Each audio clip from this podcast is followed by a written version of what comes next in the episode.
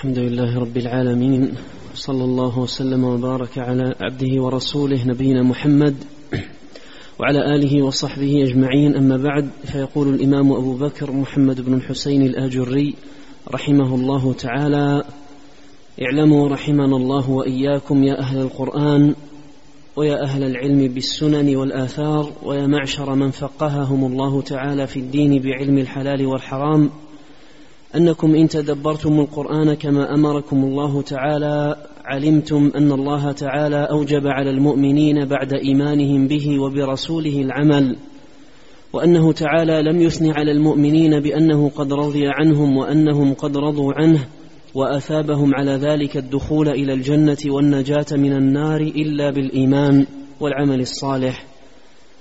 قرن مع الإيمان العمل الصالح لم يدخلهم الجنة بالإيمان وحده حتى ضم إليه العمل الصالح الذي وفقهم له. فصار الإيمان لا يتم لأحد حتى يكون مصدقا بقلبه وناطقا بلسانه وعاملا بجوارحه. لا يخفى على من تدبر القرآن وتصفحه. وجده كما ذكرت. نعم. بسم الله الرحمن الرحيم. الحمد لله رب العالمين. وأشهد أن لا إله إلا الله وحده لا شريك له. وأشهد أن محمدا عبده ورسوله صلى الله وسلم عليه وعلى آله وأصحابه أجمعين.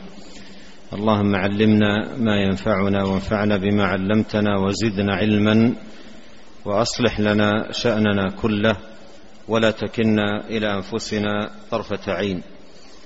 أما بعد فهذه مقدمة بين يدي سرد للأدلة من كتاب الله عز وجل فيها الجمع بين الإيمان والعمل في ذكر سبب نيل الثواب ودخول الجنة والفوز برضا الله سبحانه وتعالى وأن ذلك مترتب على وجود الإيمان والعمل معا. لم يذكر مترتبا على الإيمان الذي في القلب بل قرن به العمل. وسيسوق المصنف رحمه الله تعالى آيات آيات كثيرة من كتاب الله سبحانه وتعالى فيها ترتب الثواب ودخول الجنان والفوز برضا الرحمن سبحانه وتعالى على العلم على الإيمان والعمل معا. على الإيمان والعمل معا. ولهذا يقول هنا رحمه الله لم يثني على المؤمنين بأنه قد رضي عنهم وأنهم قد رضوا عنه وأثابهم على ذلك الدخول للجنة والنجاة من النار إلا بالإيمان والعمل الصالح لأنه قرن بينهما في بيان ذكر سبب نيل الثواب والفوز برضا الرب سبحانه وتعالى. وقول آه، المصنف رحمه الله تعالى أوجب على المؤمن على المؤمنين بعد إيمانهم به وبرسوله العمل. أوجب على المؤمنين بعد الإيمان به وبرسوله العمل. الإيمان بالله وبرسوله عليه الصلاة والسلام هذا أصل يقام عليه الدين وتبنى عليه الأعمال. ولا ينتفع بعمل إلا بوجود هذا الأصل. ولهذا تجد آيات كثيرة في القرآن تقيد قبول العمل بوجود هذا الأصل كقوله تعالى ومن أراد الآخرة وسعى لها سعيها وهو مؤمن. فأولئك كان سعيهم مشكورا. قيد شكران العمل بوجود هذا الأصل الإيمان. قال الله تعالى من عمل صالحا من ذكر أو أنثى وهو مؤمن فلنحيينه حياة طيبة ولنجزينهم أجرهم بأحسن ما كانوا يعملون. والطريقة التي يرشد إليها في فهم الإيمان هي أنفع طريقة على الإطلاق أن تتدبر القرآن واي القرآن وأن تهتدي بهداياته فإن القرآن كتاب الإيمان كتاب الإيمان. فهذه أنفع طريقة لمعرفة الإيمان وأيضا للزيادة فيه أو الزيادة منه كما قال الله سبحانه وإذا تليت عليهم آياته زادتهم إيمانا. كما قال سبحانه وإذا ما أنزلت سورة فمنهم من يقول أيكم زادته هذه إيمانا؟ فأما الذين آمنوا فزادتهم إيمانا وهم يستبشرون. فهذه أنفع طريقة لمعرفة الإيمان وأيضا لزيادة الإيمان وتقويته. نعم. قال رحمه الله تعالى واعلموا رحمنا الله وإياكم أني قد تصفحت القرآن فوجدت ما ذكرته في شبيه من خمسين موضعا من كتاب الله تعالى. أن الله تبارك وتعالى لم يدخل المؤمنين الجنة بالإيمان وحده بل أدخلهم الجنة برحمته إياهم وبما وفقهم له من الإيمان والعمل الصالح. وهذا رد على من قال الإيمان معرفة ورد على من قال الإيمان المعرفة والقول وإن لم يعمل نعوذ بالله من قائل هذا. ثم ذكر رحمه الله لما حث على هذه الطريقة ذكر أنه فعل ذلك رحمه الله تعالى وأنه تصفح القرآن. قال فوجدت ما ذكرته في شبيه, في شبيه من, خم من خمسين موضعا في شبيه من خمسين موضعا من كتاب الله وسيأتي سرده لهذه الآيات رحمه الله تعالى التي وقف عليها وفيها الجمع بين الإيمان والعمل في ذكر ترتب الثواب وأن الثواب يترتب على وجودهما معا لا على الإيمان بدون العمل ولا على العمل بدون الإيمان بل بهما معا. قال تصفحت القرآن فوجدت ما ذكرته أي من القرن بين الإيمان والعمل في ترتب الثواب وحصول آه، الرضوان ودخول الجنان يقول وجدت ذلك في شبيه من شبيه من خمسين موضعا أي ما يقرب من خمسين موضعا من كتاب الله تعالى. أن الله تبارك وتعالى لم يدخل المؤمنين الجنة بالإيمان وحده بل أدخلهم الجنة برحمته إياهم وبما وفقهم له من الإيمان والعمل الصالح. قال رحمه الله وهذه الآيات فيها رد على المرجئة بأصنافهم لأن المرجئة هم من يخرجون العمل من مسمى الإيمان وهم في الإرجاء أصناف. منهم من جعله مجرد المعرفة ومنهم من جعله مجرد نطق اللسان ومنهم من جعله آه، آه، المعرفة القلبية وإقرار اللسان. أقسام هم في هذا الإرجاء يجمعهم الإرجاء لكن تختلف طرائقهم فيه وبعضهم أشد إيغالا في الإرجاء من بعض.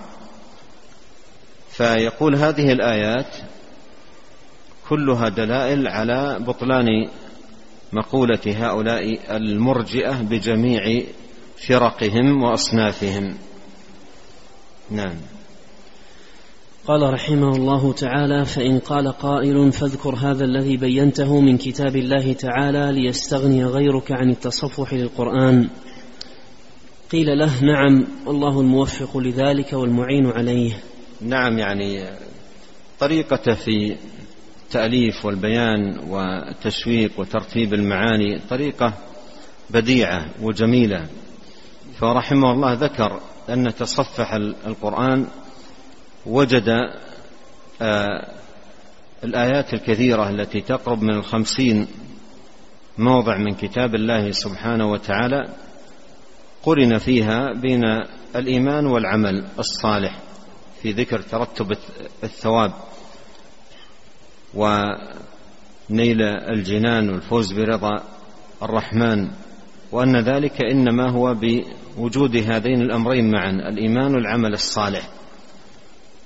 فذكر أنه وجد ذلك فيما, فيما يقرب من خمسين آية من كتاب الله. فقال إن قال لنا قائل اذكر هذا الذي بينته من كتاب الله. ليستغني غيرك عن التصفح للقرآن. قيل له نعم والله الموفق. وأخذ يسوق رحمه الله تعالى الآيات التي وجدها من هذا القبيل. نعم. قال رحمه الله تعالى قال الله تعالى في سورة البقرة وبشر الذين آمنوا وعملوا الصالحات أن لهم جنات تجري من تحتها الأنهار كلما رزقوا منها من ثمرة رزقا قالوا هذا الذي رزقنا من قبل وأتوا به متشابها ولهم فيها أزواج مطهرة وهم فيها خالدون. وقال تعالى إن الذين آمنوا وعملوا الصالحات وأقاموا الصلاة وآتوا الزكاة لهم أجرهم عند ربهم ولا خوف عليهم ولا هم يحزنون. وقال تعالى في سورة آل عمران فأما الذين كفروا فأعذبهم عذابا شديدا في الدنيا والآخرة وما لهم من ناصرين. وأما الذين آمنوا وعملوا الصالحات فيوفيهم أجورهم والله لا يحب الظالمين. وقال تعالى في سورة النساء والذين آمنوا وعملوا الصالحات سندخلهم جنات تجري من تحتها الأنهار خالدين فيها أبدا. لهم فيها أزواج مطهرة.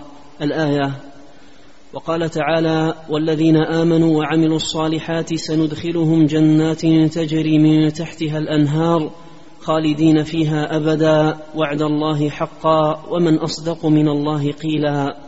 وقال تعالى لن يستنكف المسيح أن يكون عبدا لله ولا الملائكة المقربون. إلى قوله فأما الذين آمنوا وعملوا الصالحات فيوفيهم أجورهم. الآية. وقال تعالى في سورة المائدة وعد الله الذين آمنوا وعملوا الصالحات لهم مغفرة وأجر عظيم والذين كفروا وكذبوا بآياتنا أولئك أصحاب الجحيم. وقال تعالى في سورة الأنعام وما نرسل المرسلين إلا مبشرين ومنذرين فمن آمن وأصلح فلا خوف عليهم ولا هم يحزنون. وقال في سورة الأعراف والذين آمنوا وعملوا الصالحات لا نكلف نفسا إلا وسعها أولئك أصحاب الجنة هم فيها خالدون ونزعنا ما في صدورهم من غل تجري من تحتهم الأنهار وقالوا الحمد لله الذي هدانا لهذا وما كنا لنهتدي لولا أن هدانا الله. إلى قوله أورثتموها بما كنتم تعملون. وقال تعالى في سورة براءة الذين آمنوا وهاجروا وجاهدوا في سبيل الله بأموالهم وأنفسهم أعظم درجة عند الله. وقال تعالى لكن الرسول والذين آمنوا معه جاهدوا بأموالهم وأنفسهم. الآية. قال محمد بن الحسين رحمه الله تعالى اعتبروا رحمكم الله. الذين آمنوا وهاجروا وجاهدوا هذا من قبيل ما سبق. عطف العمل على الإيمان. الذين آمنوا وهاجروا وجاهدوا هاجروا وجاهدوا هذا العمل. نعم. قال محمد بن الحسين رحمه الله تعالى اعتبروا رحمكم الله بما تسمعون. لم يعطهم مولاهم هذا الخير كله بالإيمان وحده حتى ذكر هجرتهم وجهادهم بأموالهم وأنفسهم. وقد علمتم أن الله تعالى ذكر قوما آمنوا بمكة ولم يهاجروا معه. ماذا قال فيهم؟ وهو قوله تعالى والذين آمنوا ولم يهاجروا ما لكم من ولايتهم ما لكم من, ولا من ولايتهم من شيء حتى يهاجروا. وإن استنصروكم في الدين فعليكم النصر.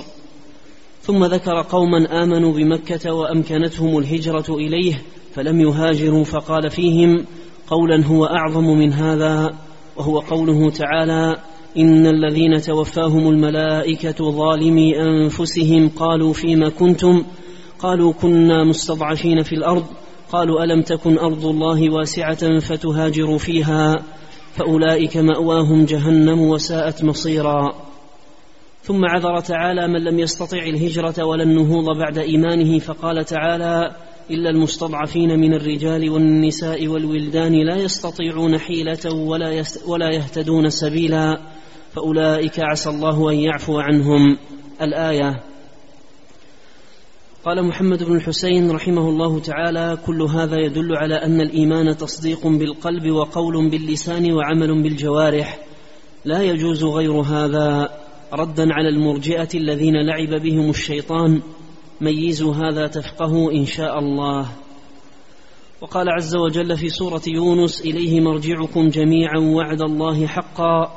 إنه يبدأ الخلق ثم يعيده ليجزي الذين آمنوا وعملوا الصالحات بالقسط. وقال تعالى إن الذين آمنوا وعملوا الصالحات يهديهم ربهم بإيمانهم. الآية.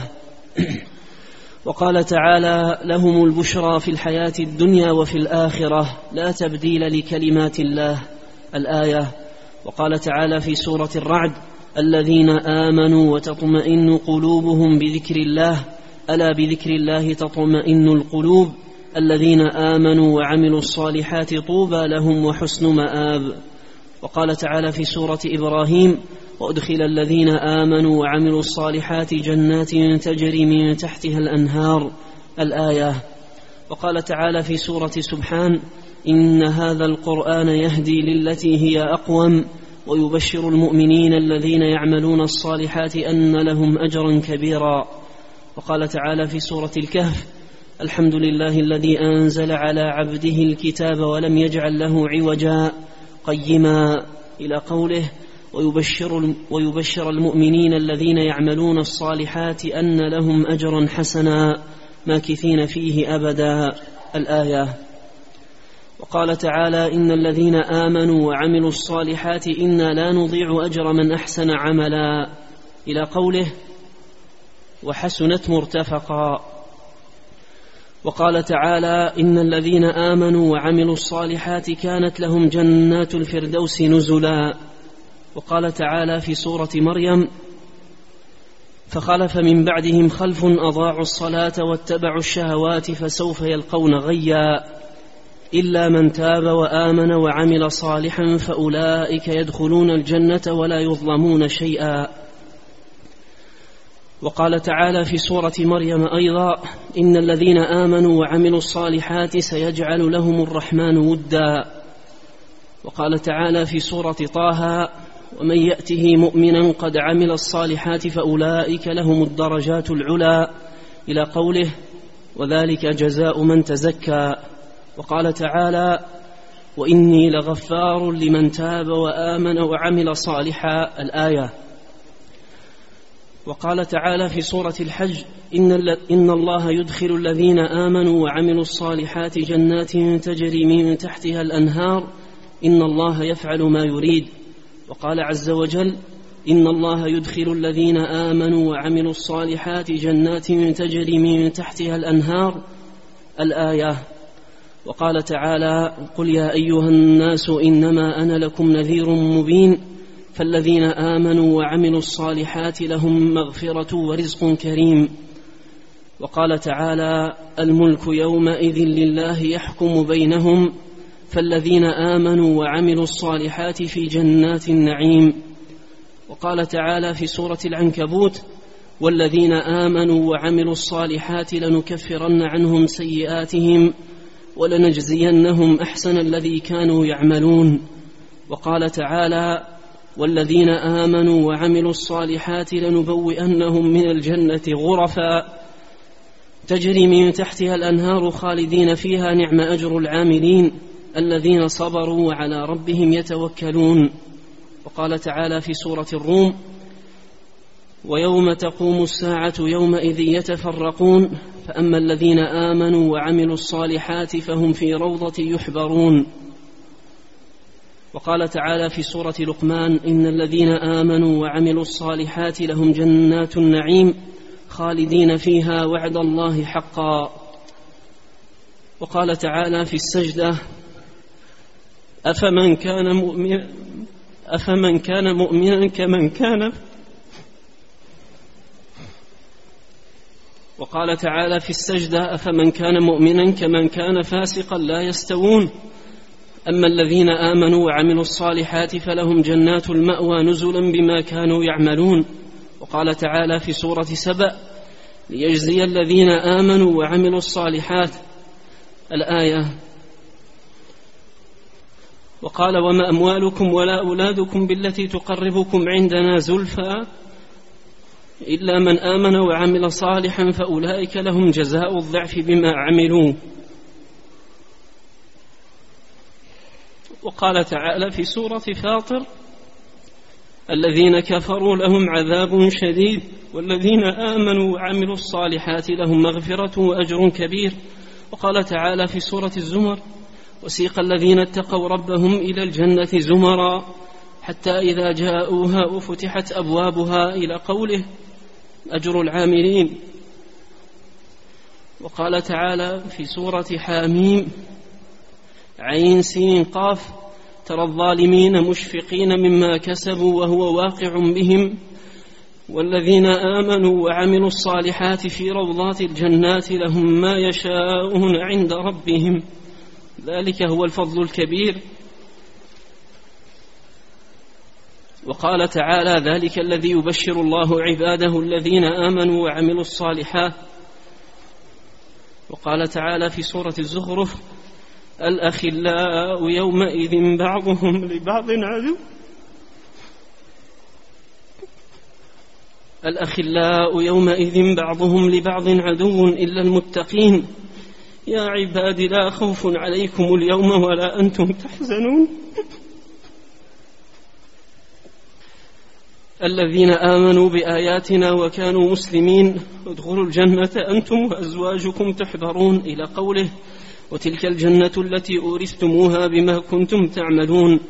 وقال تعالى في سورة حميم الجاثية وترى كل أمة جاثية وترى كل أمة جاثية كل أمة تدعى إلى كتابها إلى قوله فأما الذين آمنوا وعملوا الصالحات فيدخلهم ربهم في رحمته ذلك هو الفوز المبين. وقال تعالى في سورة الأحقاف إن الذين قالوا ربنا الله ثم استقاموا فلا خوف عليهم ولا هم يحزنون. أولئك أصحاب الجنة خالدين فيها جزاء بما كانوا يعملون. وقال تعالى في سورة محمد صلى الله عليه وسلم الذين كفروا وصدوا عن سبيل الله أضل أعمالهم والذين آمنوا وعملوا الصالحات وآمنوا بما نزل على محمد وهو الحق من ربهم كفر عنهم سيئاتهم وأصلح بالهم. وقال تعالى إن الله يدخل الذين آمنوا وعملوا الصالحات جنات تجري من تحتها الأنهار. إلى قوله مثوى لهم. وقال تعالى في سورة التغابن ومن يؤمن بالله ويعمل صالحا يكفر عنه سيئاته ويدخله جنات تجري من تحتها الأنهار خالدين فيها أبدا. وقال تعالى في سورة الطلاق ومن يؤمن بالله ويعمل صالحا يدخله جنات تجري من تحتها الأنهار. وقال تعالى في سورة إذا السماء انشقت فأما من أوتي كتابه بيمينه فسوف يحاسب حسابا يسيرا. إلى قوله إلا الذين آمنوا وعملوا الصالحات لهم أجر غير ممنون. وقال تعالى في سورة البروج إن الذين آمنوا وعملوا الصالحات لهم جنات تجري من تحتها الأنهار. وقال تعالى في سورة التين إلا الذين آمنوا وعملوا الصالحات فلهم أجر غير ممنون. قال تعالى في سورة البينة لم يكن الذين كفروا من أهل الكتاب إلى قوله إن الذين آمنوا وعملوا الصالحات أولئك هم خير البرية. وقال عز وجل في العصر إلا الذين آمنوا وعملوا الصالحات وتواصوا بالحق وتواصوا بالصبر. هذا سرد لآيات كتاب الله عز وجل التي جمع فيها وقرن فيها بين الإيمان والعمل الصالح. في ذكر ترتب الثواب على ذلك. وسوق المصنف رحمه الله تعالى لهذه الآيات بهذه الطريقة من أنفع ما يكون للمسلم للاهتداء بهدايات القرآن العظيمه في هذا الباب العظيم باب الإيمان والعمل الصالح اللذين عليهما يترتب أو يتوقف فوز العبد وفلاحه في دنياه وأخراه. وجميع هذه الآيات لم يرتب فيها الثواب على الإيمان وحده بل قرن معه العمل الصالح.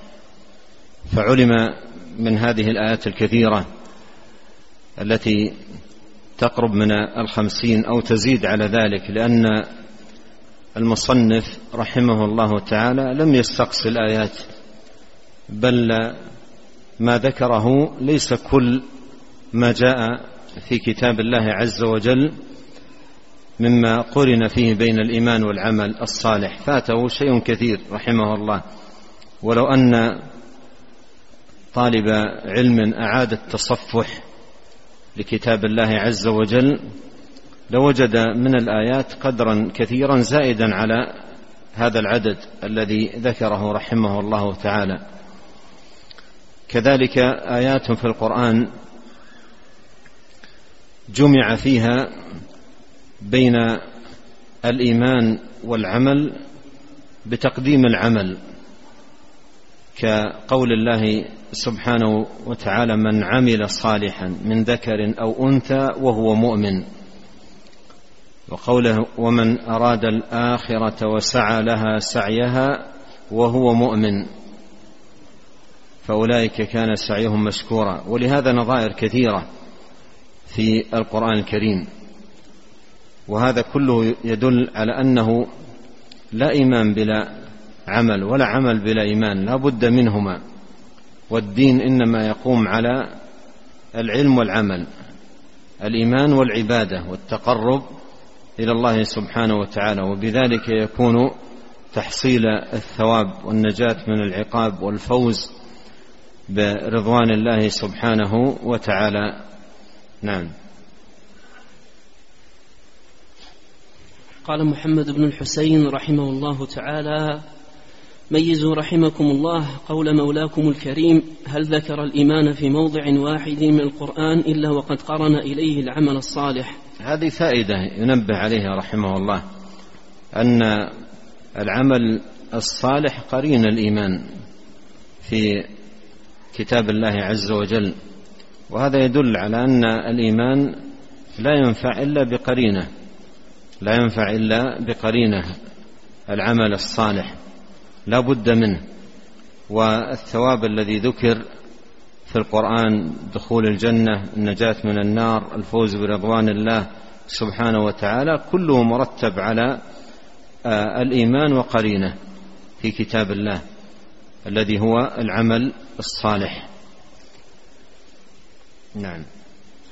قال رحمه الله تعالى فأخبر تعالى بأن الكلام الطيب حقيقة نعم وقال تعالى إليه يصعد الكلم الطيب والعمل الصالح يرفعه.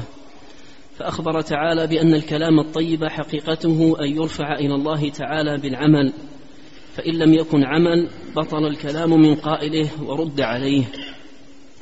ولا كلام طيب أجل من التوحيد ولا عمل من أعم ولا عمل من أعمال الصالحات أجل من أداء الفرائض.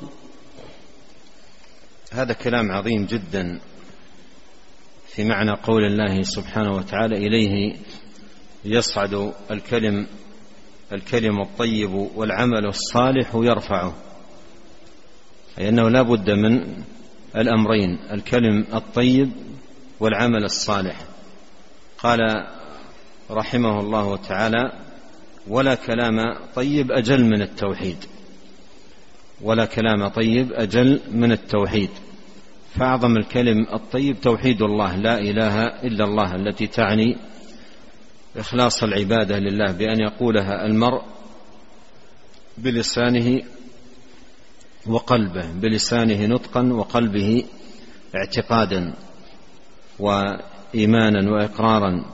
ثم يتبع ذلك ما تقتضيه هذه الكلمة من آه، اقبال على طاعة الله عز وجل وعبادته بالإخلاص والإفراد له جل وعلا بالعبادة.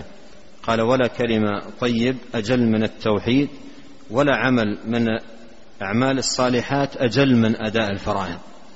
ولا عمل من الأعمال الصالحات أجل من أداء الفرائض. لقول الله سبحانه وتعالى في الحديث القدسي وما تقرب إلي عبدي بشيء أحب إلي مما افترضته عليه. نعم. قال رحمه الله تعالى حدثنا أبو بكر عبد الله بن محمد بن عبد الحميد الواسطي قال حدثنا الحسن بن محمد الزعفراني قال حدثنا عبد الوهاب بن عطاء قال حدثنا أبو عبيدة الناجي أنه سمع الحسن يقول قال قوم على عهد رسول الله صلى الله عليه وسلم إنا لنحب ربنا فأنزل الله بذلك قرآنا قل إن كنتم تحبون الله فاتبعوني يحببكم الله ويغفر لكم ذنوبكم. فجعل اتباع نبيه صلى الله عليه وسلم علما لحبه وكذب من خالفه ثم جعل على كل قول دليلا من عمل يصدقه ومن عمل يكذبه. فإذا قال قولا حسنا وعمل عملا حسنا رفع الله قوله بعمله.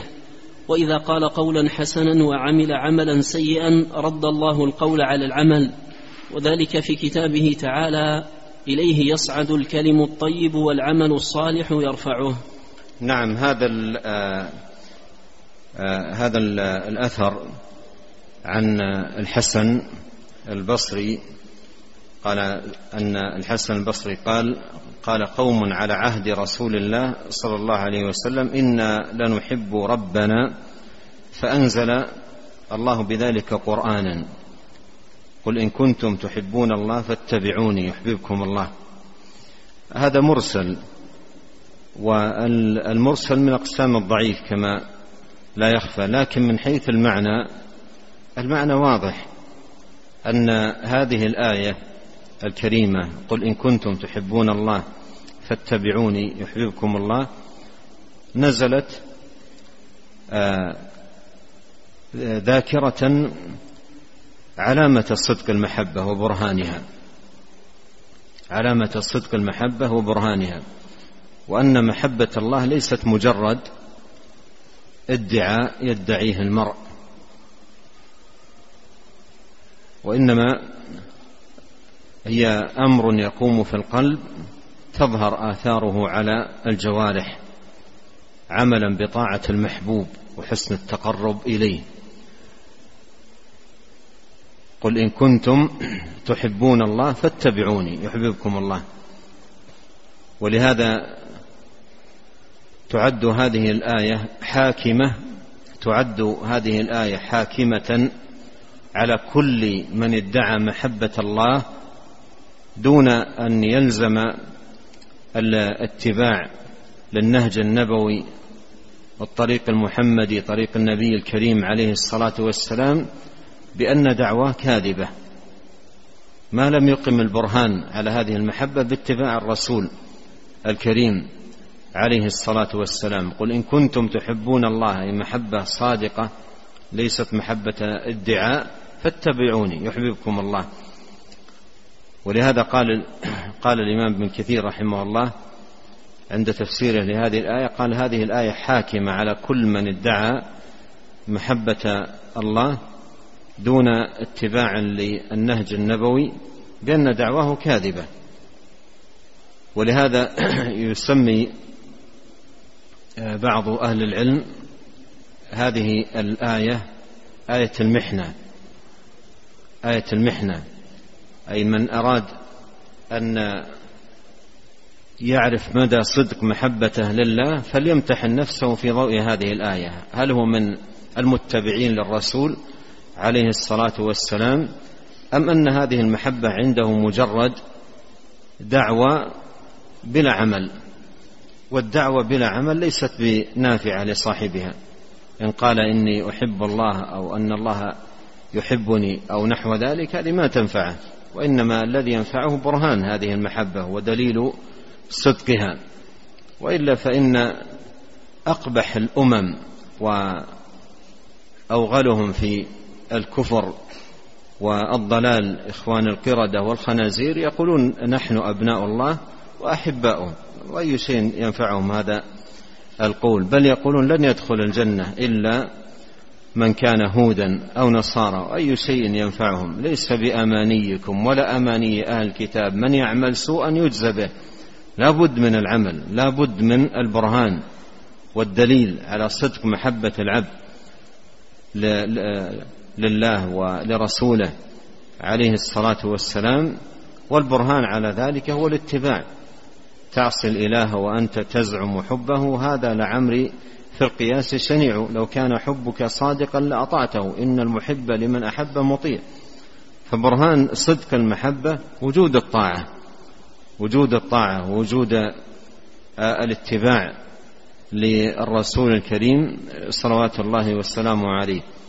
ولهذا نقل ابن كثير رحمه الله عن بعض السلف أنه قال ليس الشأن أن تحب ولكن الشأن أن تحب أي أن يحبك الله.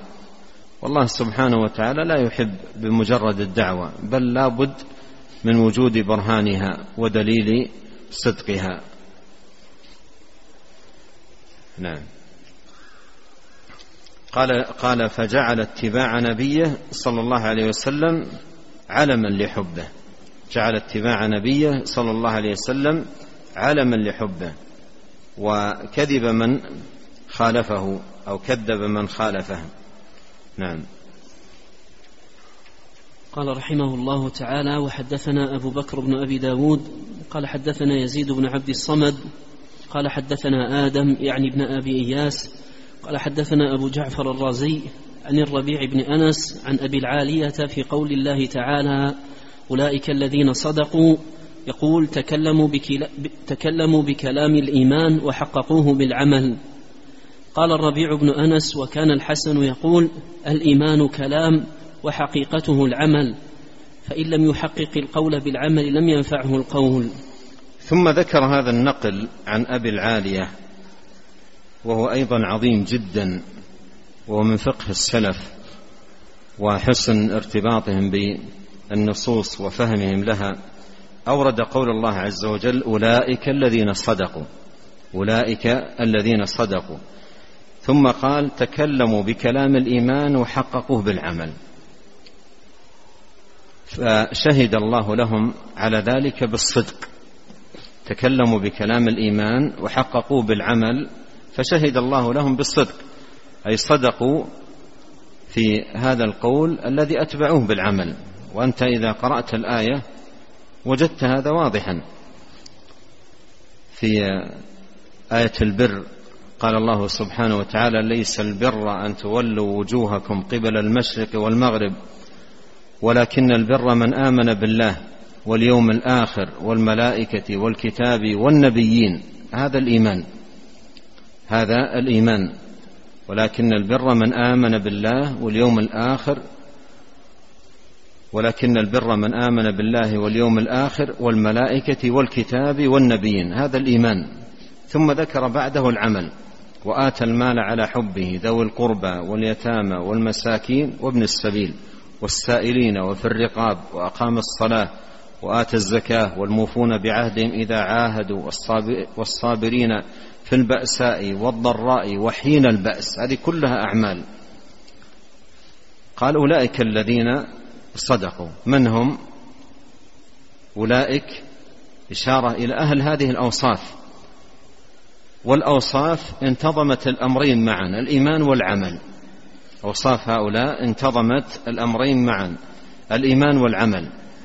فأهل الإيمان والعمل هم أهل الصدق مع الله في إيمانهم. هم أهل الصدق مع الله في إيمانهم وهم المحققون لتقواه أولئك الذين صدقوا وأولئك هم المتقون. ولهذا يقول أبو العالية رحمه الله أولئك الذين صدقوا يقول تكلموا بكلام الإيمان وحققوه بالعمل.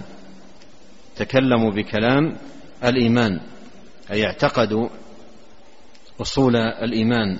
آمن بالله والملائكة والكتاب والنبيين آه، حققوا هذه الأصول في قلوبهم وحققوا بالعمل.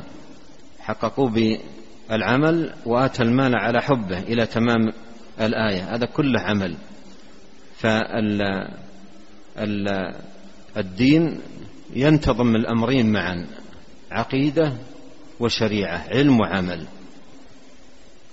تكلموا بكلام الإيمان وحققوه بالعمل. قال الربيع بن أنس وكان الحسن يقول الإيمان كلام وحقيقته العمل. الإيمان كلام وحقيقته العمل فمن لم يحقق الع... فمن لم يحقق القول بالعمل لم ينفعه القول. الإيمان كلام بالشهادتين اللتين عليهما قيام دين الله سبحانه وتعالى وليس ذلك بنافع إذا لم يكن عن اعتقاد لما دلت عليه وانقياد وإذعان لما تقتضيه هذان هاتان الشهادتان من ذل وخضوع وإخلاص للمعبود ومتابعة للرسول عليه الصلاة والسلام بسلوك نهجه القويم وصراطه المستقيم صلوات الله وسلامه وبركاته عليه. ونسأل الله الكريم رب العرش العظيم بأسماء الحسنى وصفاته العليا وبأنه الله الذي لا إله إلا هو أن يزيننا أجمعين بزينة الإيمان وأن يجعلنا هداة مهتدين غير ضالين ولا مضلين وأن يصلح لنا شأننا كله والا يكلنا إلى أنفسنا طرفة عين وأن يغفر لنا ولوالدينا ولمشايخنا ولولاة أمرنا وللمسلمين والمسلمات والمؤمنين والمؤمنات الأحياء منهم والأموات. اللهم اقسم لنا من خشيتك ما يحول بيننا وبين معاصيك ومن طاعتك ما تبلغنا به جنتك ومن اليقين ما تهون به علينا مصائب الدنيا. اللهم متعنا بأسماعنا وأبصارنا وقوتنا ما أحييتنا واجعله الوارث منا واجعل ثأرنا على من ظلمنا وانصرنا على من عادانا. ولا تجعل مصيبتنا في ديننا ولا تجعل الدنيا أكبر همنا. ولا مبلغ علمنا ولا ولا تسلط علينا من لا يرحمنا. وانطلاقا من هذا النهج الذي نهجه المصنف رحمه الله تعالى لو أن أتبع طالب العلم هذا المجلس مجلس آخر مع كتاب الله يستقصي هذه الآيات ويزيد في تتبعها فإن مثل هذا التأمل والتصفح والنظر فيه هداية عظيمة للقلوب كما قال الله سبحانه إن هذا القرآن يهدي للتي أقوم. وإنما تنال هذه الهداية بحسن التدبر لكتاب الله. كتاب أنزلناه إليك مبارك ليدبروا آياته وليتذكر أولو الألباب. سبحانك اللهم وبحمدك أشهد أن لا إله إلا أنت أستغفرك وأتوب إليك. اللهم صل وسلم على عبدك ورسولك نبينا محمد وآله وصحبه. جزاكم الله خيرا.